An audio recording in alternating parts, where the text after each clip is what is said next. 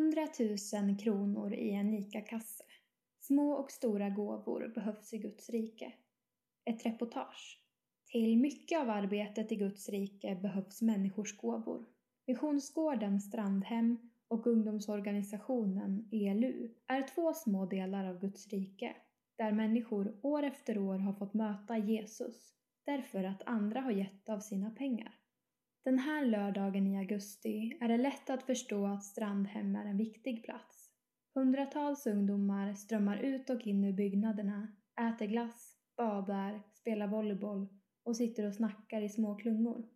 Snart ska alla samlas i små grupper och sen är det kvällsmöte med undervisning, förbön och lovsång.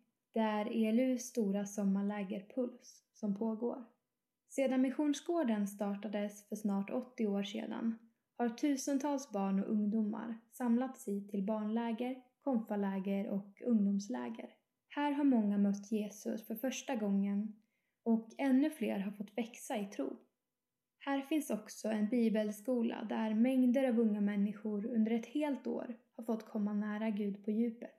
För att inte tala om alla äldre som samlats till predikningar, bibeldagar och läger. Det är svårt att ens försöka tänka på allt som Gud gjort i alla olika människors liv på denna plats. Men inget av detta hade varit möjligt om inte folk gett och offrat. Små och stora gåvor. Allt hänger på att det kommer in gåvor, säger Thomas Nilsson som är föreståndare på gården. Lägeravgifter räcker inte för att hålla hela gården igång med personalkostnader, underhåll, lokaler, drift och allt. Thomas berättar att det kommer många mindre gåvor som tillsammans gör väldigt stor skillnad. Speciellt det som ger under en lång tid. Det blir mycket till slut. Men varje år kommer också några stora gåvor som blir helt avgörande. För några år sedan byggdes nya hus för boende och klassrum som kostade ungefär 15 miljoner. Då visade det sig att många var beredda att ge mycket. ICA-kassegåva. En dag kom det in en man med en ICA-kasse. Jag hade aldrig sett honom förut och tror inte han hade varit här innan. Men han hade hört att vi byggde. Han räckte över kassen och sa att han trodde vi behövde detta. Där i låg 100 000 kronor i kontanter. Jag blev fortfarande helt mållös. En annan dag låg här ett kuvert utan avsändare. I ett A4-papper som hölls ihop av ett gem låg en postväxel värd 200 000 kronor. Vi får också ännu större testamenten ibland. Alltså att man ger sina pengar hit när man dör. Det är fint. Och det är ju ett tecken på att Strandhem betyder mycket. Av tacksamhet till Herren vill man vara med och se till så att gården kan fortsätta existera. Alla kan hjälpa till. På lördagskvällen arrangerades ett insamlingslopp på Puls. Ungdomar springer, hoppar och tar sig på roliga sätt runt en bana. Innan loppet har de tillfrågat andra, både på lägret och hemma, som betalar för varje varv de gör. Alla pengar går till missionen. Förra året samlades 118 000 kronor in och Oskar Wikdahl som jobbar på ELU hoppas på ännu mer i år. För mig är detta ett ultimat uttryck för hur Guds folk kan samarbeta för att hjälpa andra. Några sponsorer kan ge mycket, andra kan ge mindre men istället bidra genom att vara med i loppet, bjuda på sig själva och hitta fler sponsorer. Ungdomarna är taggade och väldigt bra på att bidra på detta sättet. De peppar varandra och är beredda att ge. ELU är också en organisation som går runt helt på gåvor. Runt två miljoner kronor kommer in varje år. Men det är en liten rörelse så det blir ganska mycket gåvor i snitt per person. Det är fantastiskt.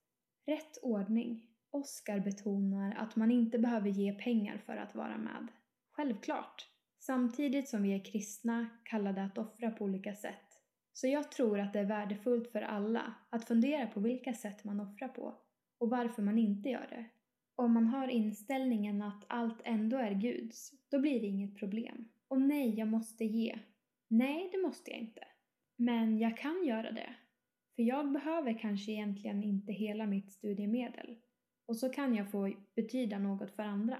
Oskars bästa tips för att börja ge är att vända på ordningen. Att inte ge det som blir över, utan istället först fundera på hur mycket man vill ge. Sen anpassa livet efter det.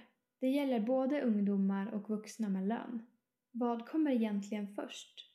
Mitt liv och min bekvämlighet, eller att ge? Därför är det en hjälp med till exempel regelbunden månadsgåva med autogiro, menar han. Eller att bestämma en summa som man alltid ger i kollekten minst. Då blir det gjort, som man ju vill. Krock. Jag ser bland unga både en medvetenhet om andras behov och en verklig önskan att hjälpa. Det är fint och ligger rätt så tydligt i vår kultur just nu. Men samtidigt krockar det ofta med något annat som också ligger i vår kultur. Att man ska ha ett lyckat liv och att förverkliga sig själv. Och det där kostar pengar.